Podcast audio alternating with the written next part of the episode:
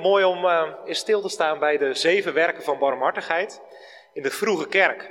Uh, heeft men al met elkaar nagedacht van, nou, wat zijn dingen die wij als kerk eigenlijk horen te doen?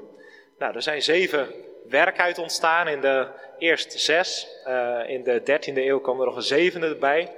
De doden begraven, ook een taak van de kerk. maar vandaag het eerste deel, de hongerigen voeden of de hongerigen te eten geven. En het is een prachtig gedeelte dat daarbij past. Uit het Marcus-evangelie. Uh, normaal gesproken uh, een evangelie waar verhalen heel kort verteld worden, kort maar krachtig. Uh, maar dit verhaal wordt heel uitgebreid verteld. Waardoor dus die schrijver van Marcus ook al een beetje mee wil zeggen: dit is heel belangrijk voor de kerk, dit gedeelte. Marcus 6 vanaf vers 30.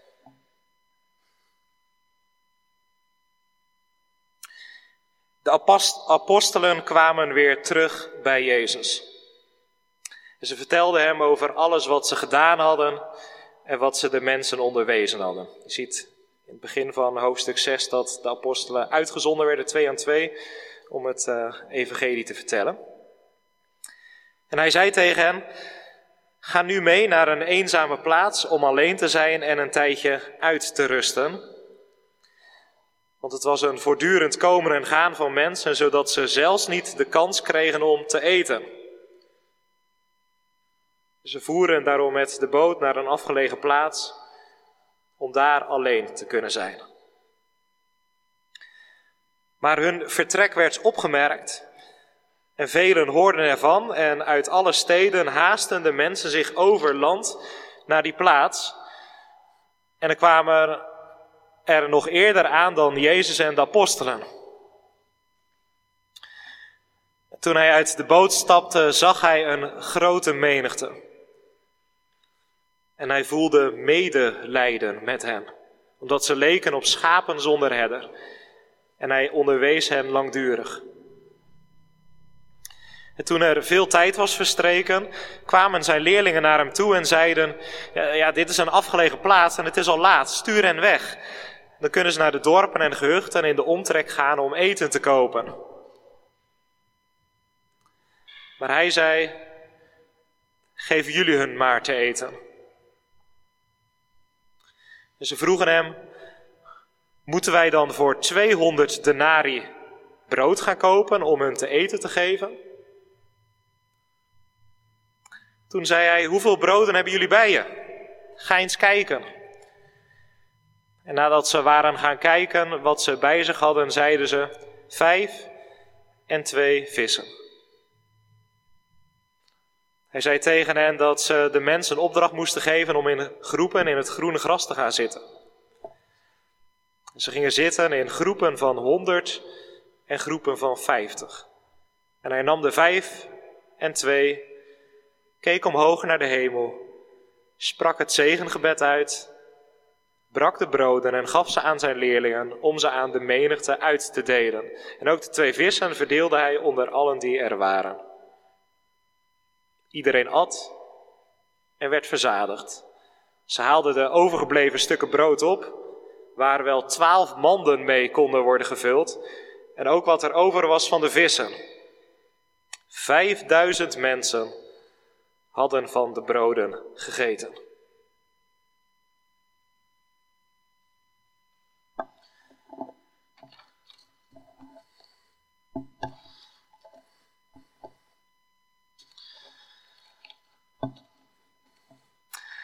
Lieve zus en broer in de Heer Jezus, de hongerigen te eten geven. Het eerste werk van barmhartigheid. En ga maar aan staan, de hongerigen te eten geven. Zojuist hebben we een verhaal, een geschiedenis uit de Bijbel gelezen, waarin dit thema, de hongerigen te eten geven, op drie verschillende manieren terugkomt. Allereerst zagen wij honger bij Jezus' leerlingen. Een honger naar rust. Een honger naar samen even op adem komen. de leerlingen zijn net teruggekomen van een soort mini-zendingsreis zonder Jezus. In tweetallen en, we lezen in vers 31 dat het zo druk was geweest voor hen dat ze zelfs geen tijd hadden gehad om te eten. We zagen ook een geestelijke honger bij een grote groep mensen. 5000 mannen staat er. Waarschijnlijk is die groep trouwens nog een stuk groter, aangezien vrouwen en kinderen niet worden meegerekend. Zijn theologen die denken dat er misschien wel 20.000 mensen daar aanwezig zijn geweest. Nou ja, in ieder geval een grote menigte kan Jezus niet loslaten. En als Jezus in de boot gaat met zijn leerlingen, zien we al die mensen gewoon meelopen via de kant. En ze zijn nog eerder op die eenzame plaats dan Jezus en zijn leerlingen. Je voelt daar een stukje gejaagdheid in. Het voelt bijna claimend aan. Het moet geestelijk wel heel slecht gaan met deze mensen als ze Jezus niet kunnen loslaten. Even de tijd kunnen geven om uit te rusten. Ja, in het gedeelte voor dit verhaal is Johannes de Doper vermoord door koning Herodes. tijdens een groot dansfeest met stomdronken leiders laat hij Johannes in een dronken bui vermoorden. Blijkbaar is de angst bij de mensen zo groot en er is er ook een gebrek aan goede sturing. Ja, er is geestelijk honger bij een grote groep mensen. De tweede vorm van honger. op een gegeven moment ontstaat er, nummer drie, ook een lichamelijke honger bij die grote massa van misschien wel 20.000 mensen. Ze zitten op een afgelegen plaats, geen bakker in de buurt, het is al laat, maar die mensen moeten wel gevoed worden. De leerlingen die, die voelen dat haarfijn aan. Die mensen die moeten ondertussen een lege maag hebben gekregen. Nou, honger komt dus op drie verschillende manieren terug in het gedeelte wat wij zojuist hebben gelezen. Ja, en zien we deze drie vormen van honger ook niet terug in ons dagelijkse leven? Anno 2021. De afgelopen twee weken heb ik het Boekenweekgeschenk gelezen. Een boekje van Hanna Bervoets, misschien heb je er al over gelezen of heb je het al gelezen, met de titel Wat wij zagen. Het boekje gaat over een uh, jonge vrouw die content moderator is voor YouTube. En haar taak is om de hele dag door filmpjes te kijken over waar klachten over in zijn gediend. Zij moet dan beslissen of dat filmpje wel verwijderd moet worden of niet verwijderd moet worden. Nou, dat doet ze de hele dag door. En ze ziet echt de meest verschrikkelijke en absurde filmpjes voorbij komen. Die ze moet checken. En de werkdruk is hoog. Ze moet een hoog aantal filmpjes per dag bekijken. Ze krijgt weinig tot geen psychische begeleiding. En, wat me ook opviel in het boekje, er is Weinig tijd om tussendoor ook te eten. Het gaat maar door, het werk. Het is een uh, sprekend en een herkenbaar boekje dat aansluit bij de tijdgeest, denk ik. Het is niet voor niets het Boekenweekgeschenk. En misschien herken jij daar ook wel iets van.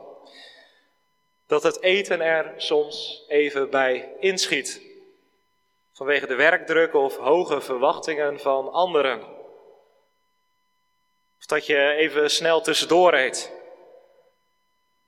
Misschien herken je ook wel iets van dat, er soms, dat je soms zware dingen te verwerken hebt, maar dat er weinig begeleiding is, terwijl het leven gewoon doorgaat.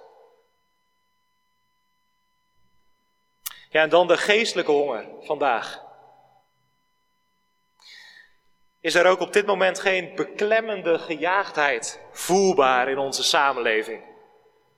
Een enorm verlangen naar aandacht, naar likes, naar richting. waar moeten we naartoe straks, als corona weer een beetje afgelopen is? Moeten we gaan feesten om alles in te halen? Of En is de overheid eigenlijk wel te vertrouwen na die toeslagenaffaire en vele andere affaires? Wie kan mij richting geven vandaag? Naast de geestelijke honger is er vandaag natuurlijk ook die lichamelijke honger. Voelbaar en zichtbaar. Vorig jaar moesten 160.500 mensen geholpen worden door de voedselbank. En het gebeurt nog steeds dat kinderen s morgens vroeg in Nederland met een lege maag naar school gaan. Dat er geen eten was. En wereldwijd leven zelfs 690 miljoen mensen, volwassenen en kinderen, met een constant tekort aan voedsel. Ja, die honger van werkdruk, hè, die honger naar rust, maar ook de geestelijke en de lichamelijke honger van de grote groep, zien wij ook vandaag in 2021. In het Bijbelgedeelte zien we dat de Heer Jezus op een eh, mooie en op een bijzondere manier omgaat met die verschillende manieren van honger hebben.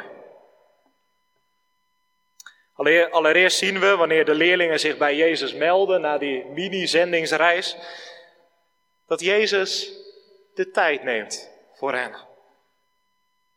Hij wil ze meenemen naar een rustige plek om even uit te rusten, met elkaar te eten, daar de tijd voor te nemen en op nieuwe krachten te kunnen komen. Ja, dat dit niet lukt door die massa mensen die achter hen aankomt, ja, dat is even niet anders, maar de intentie is helder. Jezus vindt het belangrijk dat zijn leerlingen rust kennen, op adem kunnen komen na een intensieve tijd en tijd hebben om te eten. Dit hoort blijkbaar bij het leerling zijn van Jezus. leerling zijn van Jezus, dat kan soms hard werken zijn. Hè? Maar het is ook belangrijk dat die momenten er zijn van even afstand nemen, opladen, rustig eten en samen zijn met Jezus. De zondag is daar een mooie dag voor, hè? gegeven. Maar ook door de week zijn die momenten belangrijk. En denk, denk hier nog eens even verder over na. Op welk moment kwam jij in de afgelopen week echt even tot rust? Op welk moment in de week kon je even rustig eten en ook echt genieten van de maaltijd die je tot je nam? En waren er ook momenten dat je de tijd had om eventjes samen te zijn met Jezus, om, om je te laven aan zijn aanwezigheid? Of waren die momenten er niet? Ja, die massa mensen, die, die 2000 mensen met geestelijke honger, die zijn er ook nog. En ze dringen zich vandaag aan de leerlingen en, en, en vooral aan Jezus op. En ondanks dat klemerige lezen wij dat Jezus medelijden voelt. In het Grieks staat een woordje dat je letterlijk kunt vertalen met dat zijn ingewanden rammelen. Of beginnen te steken, te ontsteken. Het wil zeggen, Jezus krijgt letterlijk buikpijn als hij al die mensen, die 20.000 mensen ziet, die, die voor hem gekomen zijn. Zoveel geestelijke honger, zoveel mensen die richting missen, die het vertrouwen missen in hun leiders. Het raakt hem, het, het lijken wel schapen zonder herder, staat er. Daar zitten ze dan even later, in het groene gras. Ja, het is even Psalm 23. Jezus, de goede herder, wijdt zijn schapen in de groene weiden aan stille wateren. Is een prachtig mooi beeld, vinden jullie ook niet? Jezus ziet de mens achter het klemerige. Jezus ziet die 20.000 als mensen met een intrinsiek verlangen naar gehoord en gezien worden. Met het verlangen naar richting. En hij beseft dat hij zelf het enige brood is dat hun hongerige magen kan voeden. Johannes 6, vers 35 zegt Jezus het volgende: Ik ben het brood van het leven. En degene die tot mij komt, zal geen honger hebben. En degene die mij vertrouwt, zal nooit dorst hebben. En weet je wat bemoedigend is? Dat dit, dat dit gebeuren van die 20.000 in dat groene gras, met die medelijden van Jezus, dat dit ook nog geldt voor de massa mensen vandaag. Die 20.000 en de rest, die wij elke dag tegenkomen. Hè? Op je studie misschien, op je werk, in de metro. Al die massa's mensen die je op centraal ziet lopen. Dit geldt ook voor hen. En misschien zie je de geestelijke honger en de leegheid soms wel in de ogen. Ik vind dat de afgelopen tijd nog, nog wel wat confronterender. Al die mondkapjes. Je kan alleen maar mensen in de ogen kijken en soms zie je gewoon die leegheid in de ogen. Een verlangen naar een vol leven. Er is geestelijke honger. Ik verlang naar om gezien te worden. Ik verlang naar richting, maar het is zo leeg. Er ook voor hen geldt, er is iemand naar de wereld gekomen om als geestelijk voedsel te zijn. Om die leegte op te vullen en dat doet hij echt. En hoe mooi zal het zijn dat mensen in Rotterdam in onze ogen het tegenovergestelde zien. Dat een geestelijke lege maag hebben niet nodig is, maar dat je gevoed kunt zijn met het levensbrood, de Zoon van God.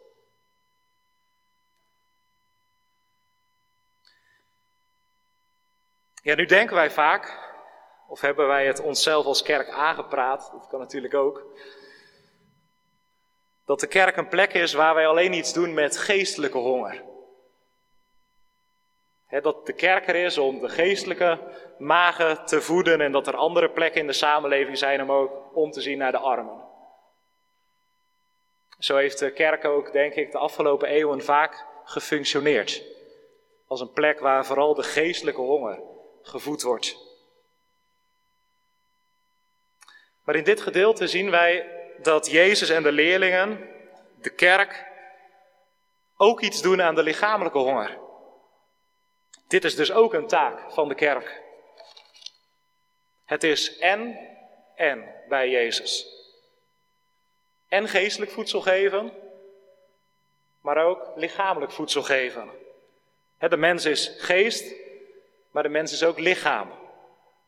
De mens heeft beide nodig: geestelijk voedsel en lichamelijk voedsel. we zien in het gedeelte de leerlingen op een gegeven moment bij Jezus komen en ze zeggen: uh, Heer, stuur deze mensen toch naar huis. Het is al laat. Hopelijk kunnen ze nog wat eten kopen in de omliggende dorpen om hun lege magen te vullen. Ja, en hoe die leerlingen hier uh, reageren is denk ik hoe wij als kerk ook vaak reageren. Van nou jongens, we hebben uh, geestelijk voedsel gegeven, de rest moeten ze zelf maar uitzoeken. Maar het confronterende en schurende van vandaag is dat Jezus tegen zijn twaalf leerlingen, tegen de kerk zegt, geven jullie hen maar te eten. Geven jullie hen maar te eten. En ik kan me voorstellen dat de leerlingen daar met onmacht in hun ogen hebben gestaan. Wat vijf tot 20.000 mensen voorzien in voedsel, wij met, met ons twaalfen. Is een jaarloon voor nodig, 200 denari. En waar halen we dat brood zo snel vandaan? Misschien herken je ook wel iets van die onmacht. Als Jezus dit ook vandaag gewoon hier in de kerk in de groep gooit. Geven jullie hen maar te eten. We zien al die honger in de wereld tot dit moment. 690 miljoen mensen. We zien foto's van uitgehongerde kinderen. Verhalen van kinderen die met een lege maag naar school gaan. We horen over al die mensen die afhankelijk zijn van de voedselbank hier om de hoek in Sjaloos. En dan de woorden van Jezus. Het is jullie taak dat jullie ze te eten geven. Beste leerlingen in de oude kerk van Sjaloos, zie jullie honger om jullie heen? Geef jullie ze maar te eten. Dat is jullie taak. En Jezus ziet die verwarring en onmacht. Dan gebeurt er iets moois. Jezus stelt een mooie en bevrijdende vraag. Hij vraagt: Hoeveel brood hebben jullie bij je? Oftewel, wat hebben jullie in huis? Wat hebben jullie bij je? Jezus zegt niet: Nee, inderdaad, die 200 denari, probeer die er maar te fixen. Dat jaarloon, en eh, eh, gaat het maar snel bij elkaar halen. En probeer zo snel mogelijk alle bakkerijen in de omgeving leeg te kopen. Om de honger hier tijdelijk op te heffen. Nee, Jezus vraagt alleen: Wat hebben jullie bij je? Wat, heb je? Jezus overvraagt zijn leerlingen niet. En Jezus overvraagt ons ook niet. Hij kijkt naar wat we hebben. Nou, de leerlingen die vinden vijf broodjes en twee vissen. Dat is natuurlijk veel te weinig met 20.000 mensen. En ik kan me voorstellen dat ze daar een beetje beteuterd bij Jezus komen. Ja, ja, vijf broodjes en twee vissen. Dit is het, Heer. Maar met dat kleine gebeurt een groot wonder. Het is het wonder, het is het geheim van de kerk wat daar gebeurt. Jezus zegent het brood en de vis. Hij geeft het aan zijn leerlingen om het uit te delen. En ze beginnen te breken en ze beginnen te breken. Te breken, te breken. En het houdt niet op. De leerlingen ontdekken hier als het ware de hogere wiskunde. De formule van Jezus kerk zijn. En die formule is delen is vermenigvuldigen. Nog een keer. De hogere wiskunde van de kerk, de formule van kerk zijn, dat is delen is vermenigvuldigen. Daar waar mensen delen, daar waar wij hier op Zuid gaan delen in de kerk, maar ook buiten de kerk, van wat wij van God hebben ontvangen. Brood, voedsel, delen van talenten, het delen van de liefde, van knuffels, noem het maar op. Waar wij daarvan gaan delen, daar zal het ook vermenigvuldigen. Daar zal minder honger zijn. Minder geestelijke honger en minder lichamelijke honger. Vijf en twee wordt zeven. Een vol getal in de Bijbel. Een getal van overvloed. En dat zien we ook aan het einde van de maaltijd. Twaalf manden zijn vol. Opnieuw zo'n vol getal uit de Bijbel. Eerst die vijf en twee, wat zeven wordt. Daarna twaalf volle manden. Er is overvloed. Daar waar gedeeld wordt. De vraag van Jezus is vandaag: wat heb jij bij je? Wat heb ik bij me? Bij me? En durven wij dat te delen onder Jezus' geestelijke of zegenende handen, opdat het zal vermenigvuldigen? Of houd je het liever voor jezelf? Tot slot, lieve mensen. Ja, laten wij een delende gemeenschap zijn. Wees scherp. Misschien is het wel mooi om dat komende week gewoon eventjes regelmatig te vragen. Wees scherp op je eigen honger naar rust. Loop jezelf niet voorbij, dat is niet de wil van Jezus. En heb daarnaast als kerk van Christus oog en rijk uit naar mensen met geestelijke honger en lichamelijke honger. Niet één van twee, beiden. Laten wij delen en daardoor ook vermenigvuldigen van wat we hebben gekregen. Dat ook de hongerigen vandaag te eten krijgen. Amen.